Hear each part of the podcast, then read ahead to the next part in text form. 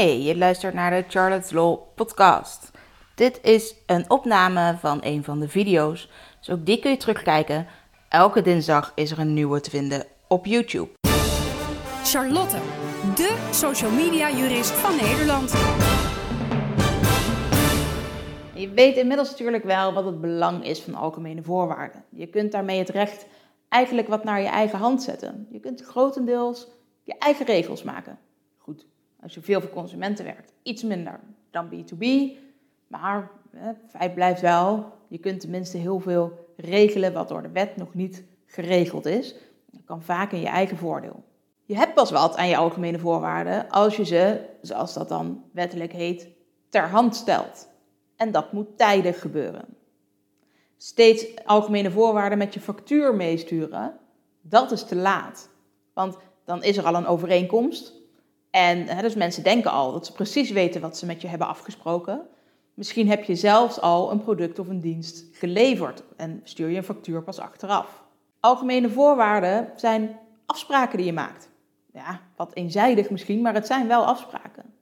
Die moet je dus samen met de andere partij maken. Of dat nou je opdrachtgever of je opdrachtnemer is, dat maakt eigenlijk niet uit. Maar je moet samen die afspraken maken. Dat betekent dus dat die afspraken ook duidelijk moeten zijn voordat er daadwerkelijk iets geleverd wordt. Of dat nou een product of een dienst is. Ja, algemene voorwaarden moet je daarom tijdig meesturen. Bijvoorbeeld met je offerte. Of in elk geval met het contract mee als je zorgt dat er een contract is. Hoe dan ook is het te laat als je ze pas meestuurt als je al bent begonnen met het leveren van het dienst of product. Of als de overeenkomst er al is en je dus een factuur gaat sturen. Of de factuur nou voor de aanbetaling is of niet, ja, dat maakt eigenlijk niet uit. De enige manier waarop het eventueel nog zou kunnen, is als je het inderdaad meestuurt met een factuur voor een aanbetaling. En mensen dan dus ook de kans geeft om te zeggen dat ze alsnog van de overeenkomst afzien, zonder dat ze dan opeens een vergoeding verschuldigd zijn. Want opeens komen er nieuwe afspraken, waar ze het dus wel of niet mee eens kunnen zijn. Nou, dan moeten ze er gewoon vanaf kunnen, dat ze zeggen, nou, maar met deze afspraken, daar gaan we niet mee akkoord. Heel veel mensen vragen ons ook, moet ik mijn algemene voorwaarden deponeren bij de Kamer van Koophandel. Die mogelijkheid die bestaat. Het heeft eigenlijk niet zoveel zin, omdat dat dan geen terhandstelling is van de algemene voorwaarden. Alleen maar verwijzen naar de algemene voorwaarden staan op de website is bijvoorbeeld ook niet genoeg. Maar een werkende link in een PDF, eh, met misschien exacte URL daarbij, dat mensen echt weten waar ze het zouden kunnen vinden, nou, dat zou misschien dan nog wel kunnen als een terhandstelling.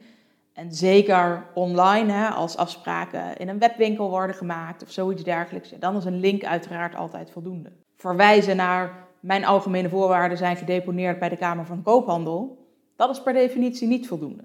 Dan moeten mensen zelf opeens heel actief iets gaan doen om aan die algemene voorwaarden te komen. Alleen wanneer je een soort product of een dienst levert waarbij het gewoon niet kan dat je algemene voorwaarden meegeeft, Denk aan een, aan een supermarkt die eigenlijk ook algemene voorwaarden heeft. Maar ja, je kunt niet elke keer als je supermarkt binnenkomt zeggen: hier alsjeblieft, hier zijn onze algemene voorwaarden. Of als je een kaartje koopt bij de NS, ja, eh, die algemene voorwaarden zijn misschien wel hartstikke dik. Eh, elke keer als je een kaartje koopt, een veelvoud daarvan nog mee moeten leveren, is eigenlijk ook geen doen. Um, in elk geval niet hè, als het gaat om een papieren kaartje kopen bij, bij de automaat of bij iemand bij de balie. Dan is verwijzen naar het ligt bij de Kamer van Koophandel. Dat is genoeg. Dan staat er ook een nummer bij hoe je het kunt vinden.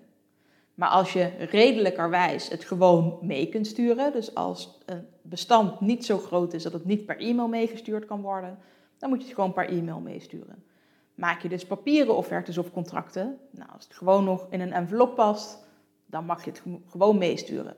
dan is dat redelijkerwijs mogelijk.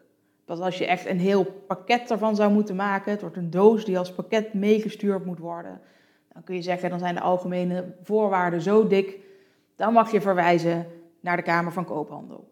Dat betekent dus dat voor een gemiddelde ondernemer het helemaal geen zin heeft om je algemene voorwaarden bij de Kamer van Koophandel te registreren. Bovendien, als je er eens een keer iets aan wil wijzigen, omdat je bijvoorbeeld elk jaar denkt, ah, ik werk toch een beetje anders, of ik heb ze gewoon wat verbeterd, of nou ja, waarom je dan ook wat gewijzigd hebt, dan zou je het elke keer opnieuw moeten deponeren bij de Kamer van Koophandel. Het is dan veel makkelijker om gewoon bij elke overeenkomst een andere set algemene voorwaarden mee te sturen. Of om ze gewoon te wijzigen op je website. Dus bespaar je de moeite en vooral ook het geld voor het deponeren van je algemene voorwaarden bij de Kamer van Koophandel.